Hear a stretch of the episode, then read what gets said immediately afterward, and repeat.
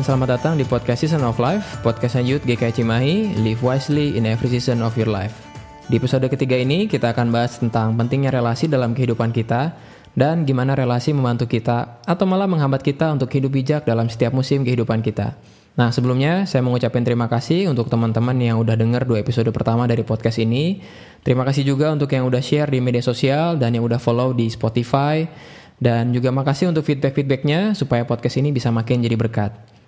Nah, dua episode yang lalu kita belajar yang pertama, segala sesuatu ada waktunya. Ini kita pelajari sama-sama dari ayat firman Tuhan yaitu Pengkhotbah 3 ayat 11. Segala sesuatu ada waktunya atau dalam bahasa podcast ini juga dibahasakan sebagai musim ya. Jadi waktu dibahasakan sebagai musim.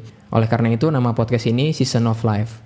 Musim ini bicara soal tahap tahapan kehidupan, seperti tahapan belajar formal, mungkin teman-teman ada yang masih di SMP dan di SMA dan kuliah, juga tahapan belajar, tahapan bekerja, tahapan menjelang berkeluarga, dan sebagainya.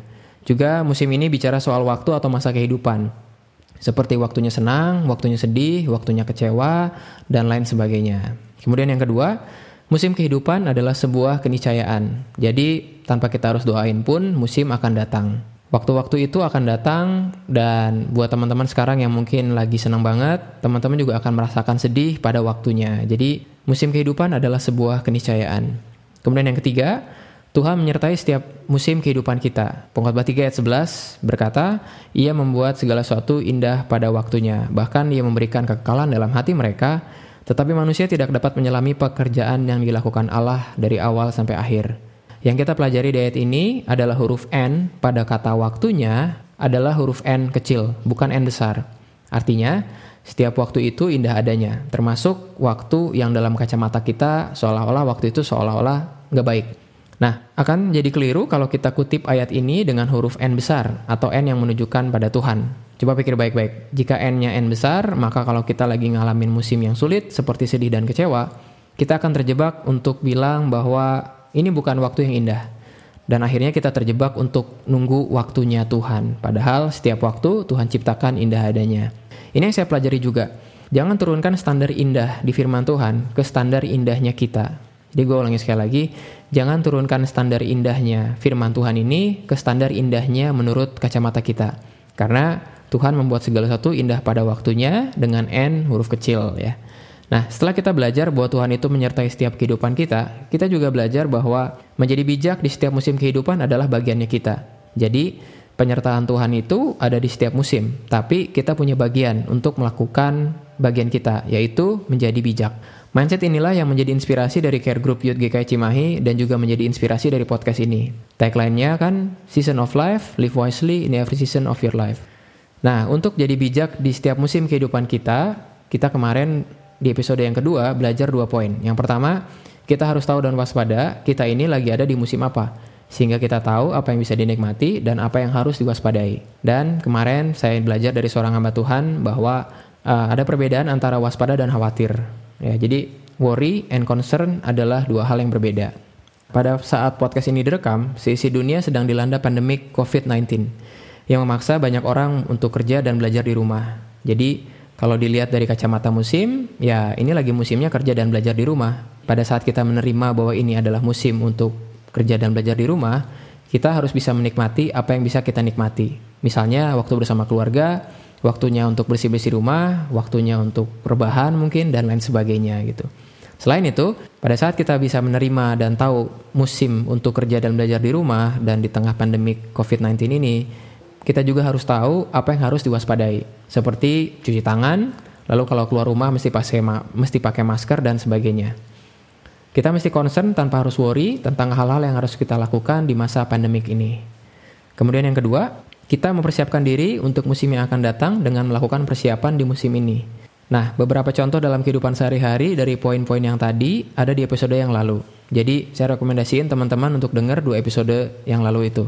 Nah, di episode kali ini dan episode-episode selanjutnya, kita akan belajar lebih banyak secara praktis bagaimana menjadi bijak di musim kehidupan kita. Khususnya di episode ini, kita akan belajar bagaimana relasi mempengaruhi kehidupan kita, dan dalam hal ini, kalau boleh saya bilang, mempengaruhi tingkat kebijaksanaan kita. Oke, firman Tuhan yang mendasari ini ada dua firman Tuhan. Yang pertama diambil dari Amsal 13 ayat 20. Siapa bergaul dengan orang bijak menjadi bijak, tetapi siapa berteman dengan orang bebal menjadi malang.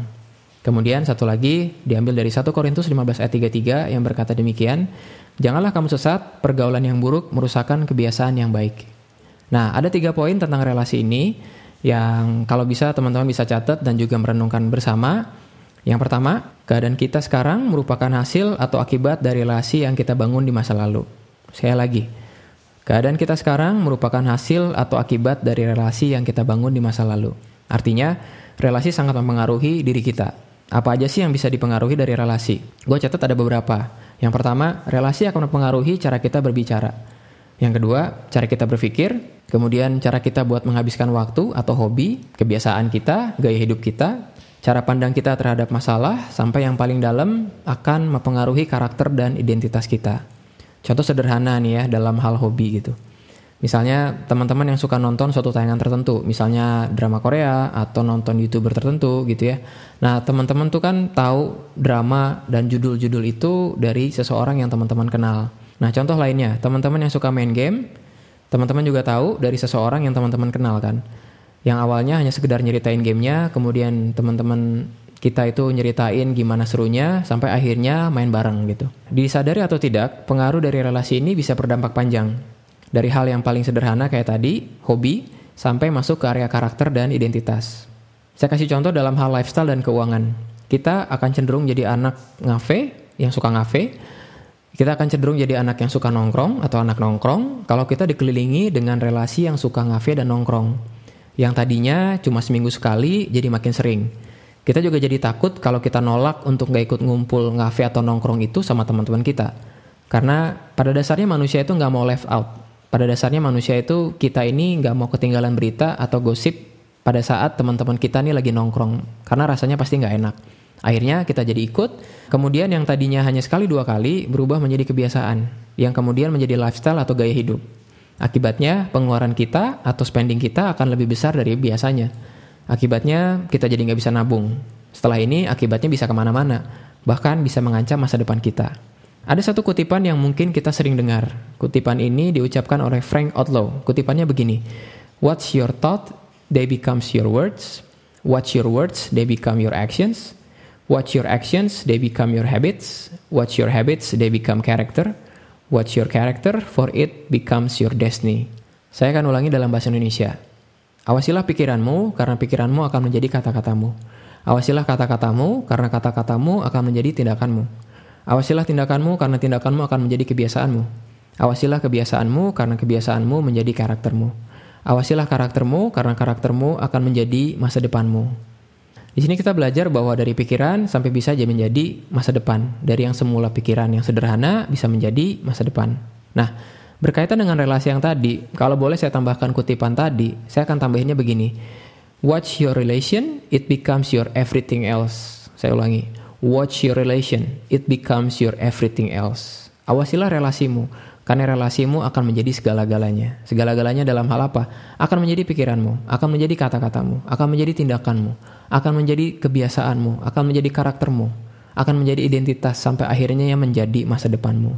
Nah, jadi coba kita renungkan bahwa keberadaan kita sekarang ini merupakan akibat atau produk dari relasi yang kita bangun di masa lalu. Nah, poin yang kedua masih mirip dengan poin yang pertama, yaitu keadaan kita di masa depan ditentukan oleh relasi yang kita bangun sekarang. Sekali lagi, Keadaan kita di masa depan ditentukan oleh relasi yang kita bangun sekarang. Jadi kalau poin yang pertama, keadaan kita sekarang merupakan akibat dari relasi yang kita bangun di masa lalu. Poin yang kedua, keadaan kita di masa depan juga ditentukan oleh relasi yang kita bangun sekarang. Nah, satu kutipan dari Musa Rahat berkata demikian, Show me your friends and I will show your future. Show me your friends and I will show your future. Tunjukkan siapa sahabatmu, maka akan kutunjukkan masa depanmu. Jadi, dengan siapa kita berelasi, bisa menentukan masa depan kita. Karena kalau menurut saya kita akan menjadi sama seperti orang-orang terdekat kita. Sekali lagi, kita akan menjadi sama menjadi seperti orang-orang terdekat kita. Ini ada hal yang menarik, berapa sih jumlah orang terdekat yang bisa mempengaruhi kita? Ada satu penelitian yang dilakukan oleh yang namanya Robin Dunbar di tahun 1980-an. Beliau adalah seorang profesor evolutionary physiology ya. Dia bilang begini, Seseorang atau seorang manusia tidak bisa memiliki lebih dari 150 teman atau dalam istilah dia casual friends. Karena ada limit pada otak manusia, gitu katanya ya. Nah, 150 teman di sini adalah e, jumlah orang yang kita tahu gimana kabarnya, yang kita sering ngobrol, yang sering ketemu, yang sering keep, in touch kalau misalkan jaraknya jauh dan lain sebagainya. Jadi, hanya ada 150 kontak, 150 teman yang bisa kita kelola di otak kita ini. Salah satu artikel menyebutkan bahwa untuk tahu 150 orangnya yang mana dari kehidupan kita, kita bisa bayangkan begini. Kalau kita ada pesta atau ketika kita mau ngundang orang lain ke pesta kita, kira-kira siapa sih 150 orang pertama yang kita undang? Itu untuk tahu siapa 150 orang di uh, kalau saya boleh bilang di lapisan yang pertama ini ya. Nah, kemudian semakin dalam dari 150 orang itu ada 50 orang yang lebih dekat Ya, jadi lapisannya semakin dalam. Ada 50 orang. Yang tadinya 150 jadi 50 orang. Kemudian makin dalam lagi jumlahnya turun menjadi 15 orang. Ya, sampai akhirnya yang paling dalam menjadi lima orang. Ini yang disebut sebagai close support group atau lingkaran dalam atau inner circle, ya. Nah, sampai di sini teman-teman mungkin bisa berefleksi, siapa lima orang terdekat saya? Atau siapa 15 orang terdekat yang ada di lapisan yang kedua? Angka-angka ini dinamakan Dunbar's number. Jadi 150 jadi 50, 15 sampai 5 orang itu dinamakan Dunbar's number. Nah, teman-teman bisa baca lebih lengkap pada link yang ada di show notes. Bisa saya analogikan juga bahwa eh, angka-angka ini seperti lapisan atau layer dari relasi kita ya. Tadi kan saya udah bilang ada lapisan-lapisan dalam pertemanan ya. Orang-orang di setiap lapisan ini sifatnya fluid atau cair. Jadi nggak statis. Bisa bergantung, bisa bisa berganti bergantung dengan waktu. Atau dalam bahasa podcast kita ini 5 orang dan 15 orang ini bisa berganti, bisa berubah bergantung dari musimnya. Contohnya nih ya, 15 teman terdekat waktu di SMA mungkin saja berbeda dengan waktu kita kuliah. Perubahan ini akan terus-menerus sampai di setiap fase kehidupan kita. Nah, sekarang yang jadi perundungan kita nih ya, siapa sih 5 orang terdekat ini? Atau yang mungkin lebih jauh lagi, siapa sih 15 orang yang ada di lapisan yang kedua? Karena menurut saya, mereka akan sangat menentukan keberadaan kita di masa depan. Nah, untuk merenungkan siapa 5 dan 15 orang ini, ada beberapa pertanyaan yang coba saya buat yang bisa nuntun teman-teman untuk menentukan 5 dan 15 orang ini. Kalau bisa sambil ditulis ya. Yang pertama, kalau teman-teman lagi stres, teman-teman datang ke siapa? Sekali lagi yang pertama, kalau teman-teman lagi stres, teman-teman datang ke siapa? Yang kedua, kalau teman-teman lagi senang, siapa sih yang kalian ajak untuk bersuka cita bersama? Kemudian yang ketiga, kalau teman-teman lagi bingung di antara dua atau banyak pilihan, teman-teman ini nanyanya ke siapa sih? Ya, itu salah satu cara untuk tahu ya. Kemudian yang keempat, yang paling penting, teman-teman ini paling banyak ngabisin waktu sama siapa? Ya, sekali lagi nih kalian yang paling penting ya. Teman-teman kalau ngabisin waktu paling banyak sama siapa? Karena mereka ini adalah suara-suara yang teman-teman dengar, yang kebiasaan dan gaya hidupnya akan teman-teman tiru, yang karakternya mungkin akan teman-teman tiru. Siapakah mereka? Teman-teman sendiri yang jawab. Kemudian Poin yang terakhir dari episode ini, poin yang ketiga, membangun relasi merupakan sebuah keputusan. Saya ulangi, membangun relasi merupakan sebuah keputusan. Jadi, begitu kita tahu bahwa relasi menentukan hampir segalanya dari kehidupan kita, maka membangun relasi merupakan sebuah keputusan yang hanya bisa kita putuskan. Relation is a decision that only we can decide. Nah, sering kali ini yang tidak kita sadari bahwa kita punya kontrol dan kebebasan dengan siapa kita hangout. Kita juga nggak sadar bahwa kita ini sebetulnya punya kendali atau punya kontrol dengan komunitas mana kita menghabiskan waktu yang paling banyak. Nah, ada catatan tentang hal ini. Saya tidak berkata bahwa berteman itu pilih-pilih. Berteman jangan pilih-pilih. Berteman mesti dengan siapa pun. Tapi bersahabat atau berelasi dekat mesti pilih-pilih. Karena kita harus memilih dengan sengaja siapa lima orang terdekat dan siapa 15 orang terdekat yang ada di lapisan yang kedua.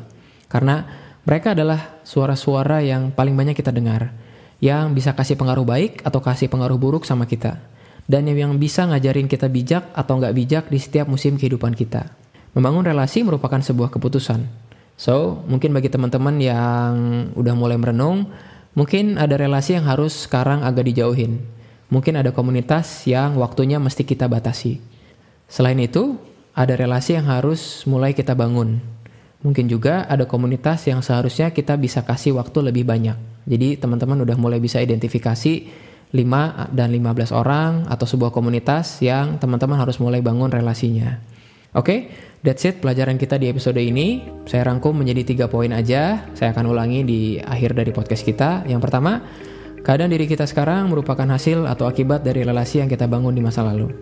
Yang kedua, keadaan kita di masa depan ditentukan oleh relasi yang kita bangun sekarang. Dan yang ketiga, yang paling penting, membangun relasi merupakan sebuah keputusan. Nah, ada pesan sponsor sedikit. Karena kami ini ya di pelayanan kaum muda GKI Cimahi mengerti tentang betapa powerfulnya relasi ini sangat menentukan kehidupan seorang anak muda, kami berusaha mengelilingi jemaat remaja dan pemuda dengan relasi yang baik, dengan lingkungan yang baik. Kami juga berusaha mengajak jemaat, remaja dan pemuda untuk ikut kegiatan di gereja. Karena kami percaya bahwa relasi yang baik dapat membawa pengaruh positif pada kehidupan anak muda. That's it guys, Tuhan berkati dan kita ketemu di episode selanjutnya.